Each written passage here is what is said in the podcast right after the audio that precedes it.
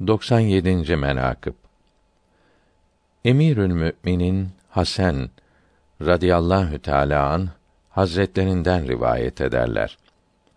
Emirül Müminin Hazret Ali radıyallahu teala an ve kerremallahu veçe vefat etti. Dışarı gidiniz diye bir ses işittik.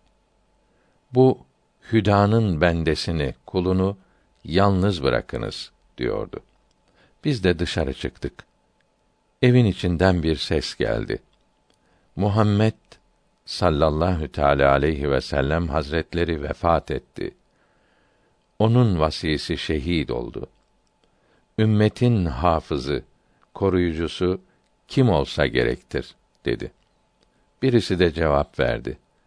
Her kim onların sırrını tutar ve onların izinden giderse ümmetin bekçisi olur.